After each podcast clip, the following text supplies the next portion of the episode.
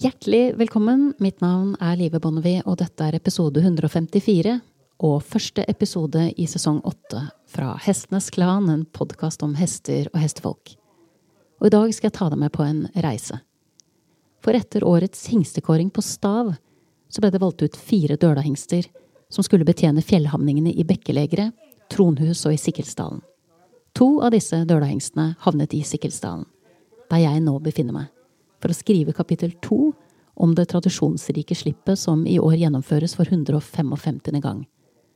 Og for første gang siden 1999 så slippes det i år også en fjordhingst med hoppefølge. I fjor så laget jeg en episode om selve slippet.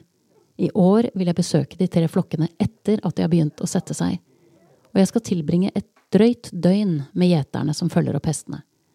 Det er normalt to gjetere ansatt av Norsk Hestesenter til stede til enhver tid i Sikkelsdalen. Akkurat nå er det Therese Selle, som jeg også intervjuet i fjor, som er her oppe og passer på, og sammen med henne er Jodvar Herheim, som dekker opp gjetestilling nummer to for Ronny Ove Smedsmo. Og med i følget er også Lisa Linn Lorentzen, som jeg traff i fjor, og som i likhet med meg bare er innom på besøk. Det er dem du hører småprate i bakgrunnen. Men nå er det nok prat. Nå skal jeg ta deg med ut i felten.